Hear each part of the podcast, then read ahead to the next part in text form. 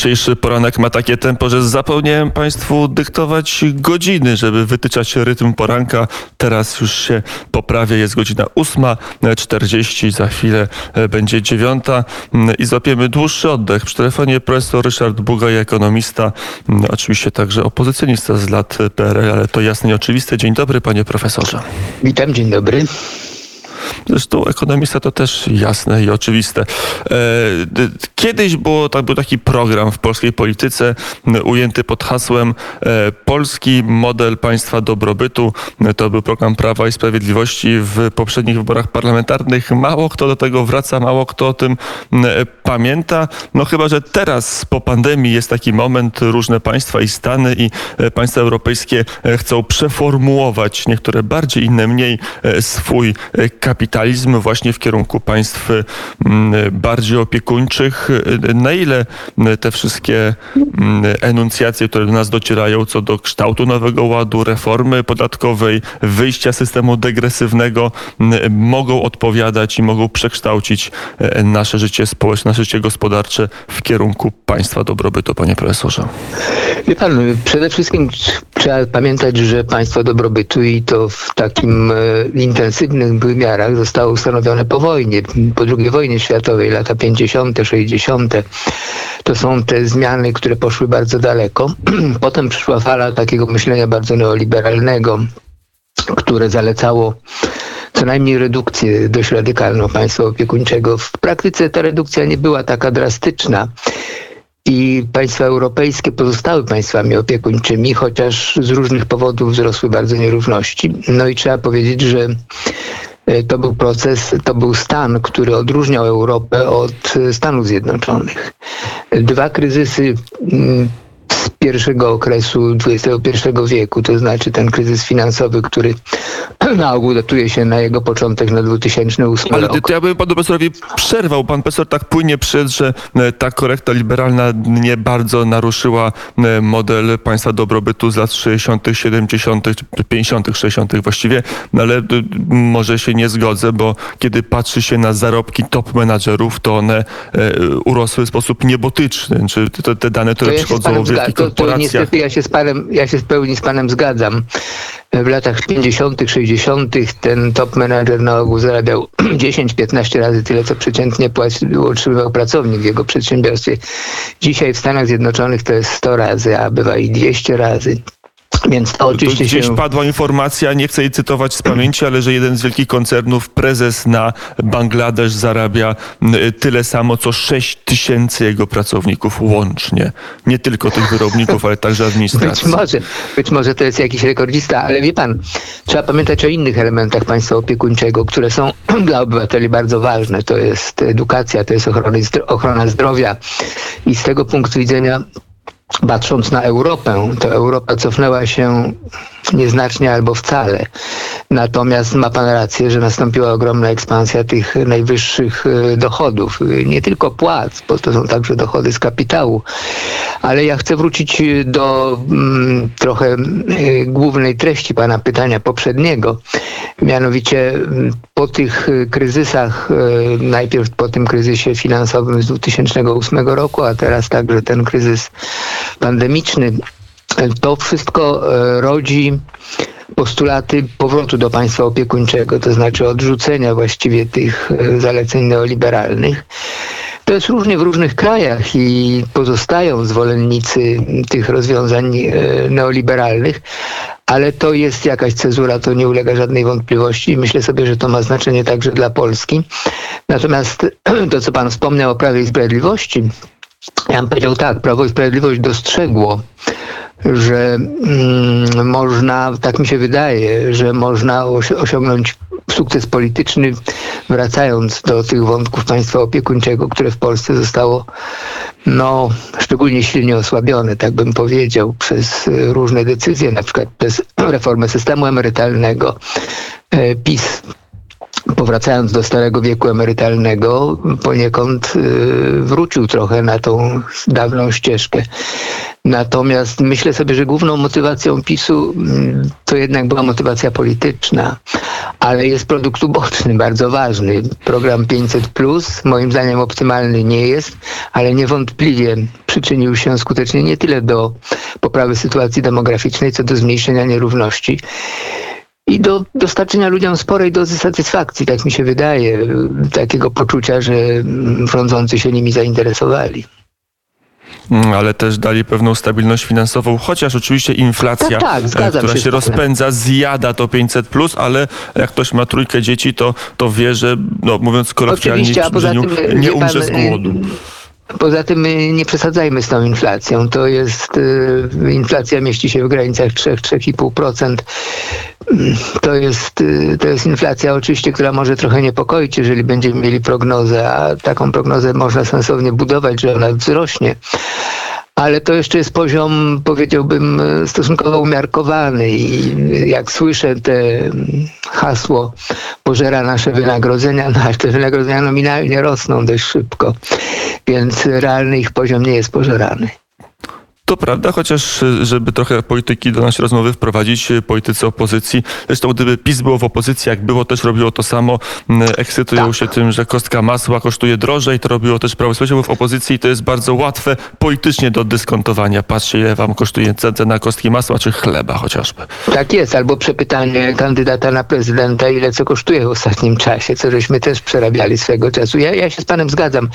Jest wielki problem, powiedziałbym, e, funkcjonowania demokracji rywalizacji, sposobu rywalizacji między partiami politycznymi. Te rywalizacje stały się coraz bardziej rywalizacją między różnymi ugrupowaniami de facto populistycznymi. Proszę sobie przypomnieć spór o 500 plus. Wprowadził to najpierw, e, wprowadziło to najpierw Prawo i Sprawiedliwość i wprowadziło dla drugiego dzieci, dziecka i dalszych, a dla pierwszego z kryterium dochodowym. Platforma Obywatelska najpierw krytykowała w ogóle wprowadzenie 500, a potem zaczęła głośno krzyczeć, że to powinni wszyscy otrzymać. No i PiS wprowadził dla pierwszego dziecka bez kryterium dochodowego także 500, co już z całą pewnością nie miało, generalnie rzecz biorąc, są, wyjątki, ale generalnie rzecz biorąc, nie miało to już następstw socjalnych, których, jak sądzę, należało i powinno się oczekiwać. Tylko e, rozdawnictwa i to dość drogiego i to niecelowanego, bo często trafiającego tak, do tak, rąk tak, najbogatszych. Wie pan, e, gospodarstwa domowe z jednym dzieckiem są często gospodarstwami, jak na polskie realia, stosunkowo zamożnymi. No i biorąc pod uwagę, że system podatkowy w Polsce de facto ma charakter degresywny, to znaczy, że różnice nierówności są większe po opodatkowaniu niż przed opodatkowaniem, to można powiedzieć, że trochę 500 plus dla na pierwsze dziecko bez kryterium dochodowego jest finansowane przez wielu no, biedniejszych ludzi niż ci, którzy są beneficjentami. Żeby dać e, bogatszym. To samo zdanie i twierdzenie znalazło się w ostatnim wywiadzie Jarosława Kaczyńskiego wczorajszym dla e, tygodnika Gazeta Polska, że w Polsce jest system degresywny. O tym czasami się mówiło, ale e, to twierdzenie chyba nigdy tak jak dzisiaj nie stoi w, w centrum debaty ekonomicznej i politycznej. Na czym to polega? Jak to jest możliwe, że w Polsce osoba, która zarabia netto powiedzmy 12 tysięcy płaci mniej podatków procentowo niż osoba, która zarabia 3 tysiące? Po pierwsze mamy mm, chyba jest 700 tysięcy w tej chwili podatników, którzy płacą podatek liniowy, którzy mają zarejestrowaną działalność gospodarczą e, są samozatrudnieni. Oni mają prawo do podatku liniowego, który jest relatywnie niski, 19%. I tam nawet jeżeli ktoś zarabia e, milion E, milion złotych e, rocznie albo więcej niż milion, to i tak płaci 19%. Nie ma żadnej progresji. To jest pierwsza, moim zdaniem, bardzo ważna przyczyna. W praktyce rzecz biorąc, ogromna większość najzamożniejszych ludzi płaci podatek liniowy. Tego, tego nie ma chyba nigdzie w żadnym cywilizowanym kraju jako tako rozwiniętym. To jest pierwsza sprawa. Druga sprawa to jest to, że dochody podatkowe w Polsce są w ogromnym stopniu skoncentrowane wokół E, danin, które mają charakter podatków pośrednich, to znaczy VAT-u. Udział z VAT-u w dochodach podatkowych w Polsce jest szczególnie wysoki. No więc, ale podatki yy, podatek typu VAT-owskiego generalnie rzecz biorąc obciąża silniej ludzi o niższych dochodach, bo oni wydają znaczną, znacznie większą część swojego dochodu uzyskanego, a mniej oszczędzają.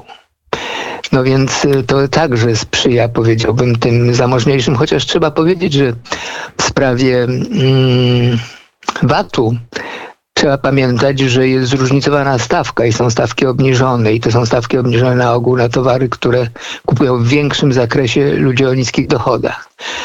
No i jest sprawa przetworzoną oczywiście... i nieprzetworzoną. Chociaż. No właśnie.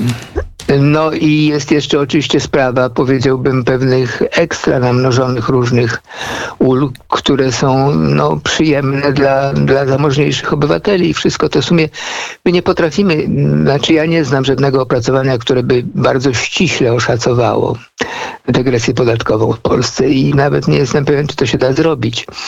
Ale, Ale ona jest faktem, że to twierdzenie, które się pojawiło w wywiadzie Jarosława Kaczyńskiego, które się pojawia także w tekstach ekonomistów, zdaniem pana profesora jest prawdziwe. Żyjemy, żyjemy tak, w państwie, tak, gdzie tak, bogaci... To jest, to, jest, to jest, można powiedzieć, że to jest hipoteza, ale bardzo mocno uzasadniona, bardzo mocno uargumentowana. I obalenie tej hipotezy wydaje mi się całkowicie niemożliwe. Więc tu się z panem zgadzam, natomiast cieszy mnie, ja nie czytałem wywiadu Kaczyńskiego, ale byłem kiedyś, kiedyś to było dawno, e, członkiem Rady Programowej PiSu i pamiętam, że tą tezę w obecności także Jarosława Kaczyńskiego przedstawiałem. Wtedy ona jeszcze była mało, przez, przez mało kogo podzielana. Dzisiaj jest podzielana dosyć powszechnie, ale nie całkowicie powszechnie profesor Ryszard Bugaj, trendsetter, jak się teraz modnie mówi, idei ekonomicznych Prawa i Sprawiedliwości. E, nie wiem, czy zamierzony, czy nie zamierzony. Pan się posunął. I teraz, no dobrze, to teraz posunę się jeszcze dalej, bo posunę się w przyszłość, czy e, trochę tak. analizując e, pana profesora tekst dla e, miesięcznika Wszystko co najważniejsze, czy Polska może stać się państwem dobrobytu. Niewątpliwie jesteśmy w momencie przełomu myślenia o ekonomii. To nie tylko teoretycznie, ale także praktycznie pandemia wywołuje istotne zmiany. Jak takie zmiany powinny wyglądać w polskim przypadku? Czy co powinno się znaleźć w tym nowym ładzie, skoro już pana tytułuje trendsetterem myśli ekonomicznej Prawa i Sprawiedliwości, to pójdźmy dalej i co tam powinno być w tym nowym ładzie, aby e, było to pan, e, dobre ja dla ogółu polskiego społeczeństwa? Ja na strach mi mówić rzeczy, które e, mogą być odczytane jako poparcie dla niektórych pomysłów, jak prasa rejestruje przewidywanych do ogłoszenia przez Prawo i Sprawiedliwość. Ale jeżeli te pomysły będą szły w kierunku przywrócenia progresji podatkowej, E, to ja nie zawaham się powiedzieć, tak, to jest słuszne, to jest słuszne. Wie pan, e, w Polsce są bardzo wysokie nierówności dochodowe w tej chwili. Ja bym powiedział, że biorąc pod uwagę także ograniczone na przykład finansowanie służby zdrowia, edukacji, to są nierówności szerzej rozumiane także, nie tylko dochodowe, nie tylko związane z dochodami pieniężnymi, ale też z dochodami w naturze, które w Polsce oczywiście e, są także wyrównujące. W edukacji jak ktoś ma czwórkę dzieci, to de facto ze środków publicznych korzysta więcej niż ktoś, kto ma jedno dziecko. No a na ogół jest tak, że ktoś, kto ma czworo dzieci, na ogół, chociaż nie zawsze, to jest gospodarstwo domowe uboższe niż to, które posiada jedno dziecko. Więc można powiedzieć, że tutaj ten czynnik wyrównania poprzez wydatki budżetowe, on też istnieje. I ja nie twierdzę, że generalnie rzecz biorąc mamy do czynienia z taką sytuacją, że ludzie o niskich dochodach finansują generalnie rzecz biorąc państwo polskie bardziej niż ludzie o wyższych dochodach. E, ale w systemie podatkowym to już tak. Natomiast w systemie budżetowym, jak to dodamy, to niekoniecznie. Więc e, po pierwsze, jeżeli PiS wprowadzi zmiany w systemie podatkowym idące w kierunku progresji, to jak padam, uważam, że zrobi krok we właściwą stronę. E, Kiedyś Natomiast... w programie Prawa i Sprawiedliwości, już teraz pewnie mało kto go pamięta, jakoś dzisiaj mam taki nastrój historyczny, ale e, czytałem ten program roku 14. Tam był pomysł na trzy, przywrócenie trzeciej stawki pitowskiej tak 40%. Tak jest, miała być 40% stawka, z czego PiS w pierwszej kadencji nie zrealizował. Co więcej, PiS zrealizował w pierwszej kadencji zmiany, które poszły w kierunku zwiększenia E, powiedziałbym, e, zmniejszenia obciążeń dla zabożnych ludzi. Podatek PIT został tak zreformowany, że ci z dołu uzyskali 1% wtedy zmniejszenie stawki o 1% obciążenia, a ci z góry o 8%. To był bardzo daleko idący krok, chociaż trzeba też pamiętać, że ten krok, o którym mówiłem poprzednio, to znaczy ustanowienie podatku liniowego dla najzamożniejszych ludzi w Polsce, bo de facto zostać samozatrudnionym można na różne sposoby i ludzie bogaci na ogół są samozatrudnieni. To może być menedżer, to nie wiem jak to jest w tej chwili, ale swego czasu pamiętam, na przykład byli piłkarze, którzy zakładali przedsiębiorstwo usług piłkarskich. I płacili z... liniowy podatek. Tak jest, tak jest. Tam z tym się związana jest także zmniejszona, zmniejszone obciążenie z punktu widzenia stawki na ubezpieczenie społeczne. To jest jeszcze osobna sprawa, chociaż e, tam można powiedzieć, że sytuacja nie jest taka jak w przypadku podatków, dlatego że e, ktoś, kto płaci niską stawkę, to po reformie 99 roku będzie miał też relatywnie niskie świadczenie. Więc to jest Dobrze, trochę, to jeszcze zadam jest, jedno, ale jest jedno jego konkretne wolnością, pytanie. że on płaci... Słucham? To jest tam jeszcze jedno y, konkretne pytanie o ten system podatkowy. Y, Czy kiedy, y, nie wiem na ile to wszystko, co pisze prasa, się potem ziści w oficjalnym dokumencie pod tytułem Nowy Polski Ład, ale jeżeli by się ziściło, to jest taki pomysł, że bez płacenia wyższych podatków dla najbogatszych nie da się tego sfinansować. Czy zdaniem pana profesora to nas czeka? Czy że nieodzownym jest, aby w Polsce dla osób najlepiej zarabiających podnieść obciążenia publiczne? Moim zdaniem tak. Wie pan, y, trzeba też pamiętać, że łączne dochody podatkowe w Polsce w stosunku do produktu krajowego brutto są na tle starej Europy o kilka punktów procentowych niższe. Ja nie wiem, jak to się ukształtowało w 2020 roku, ale myślę, że to się nie zmieniło.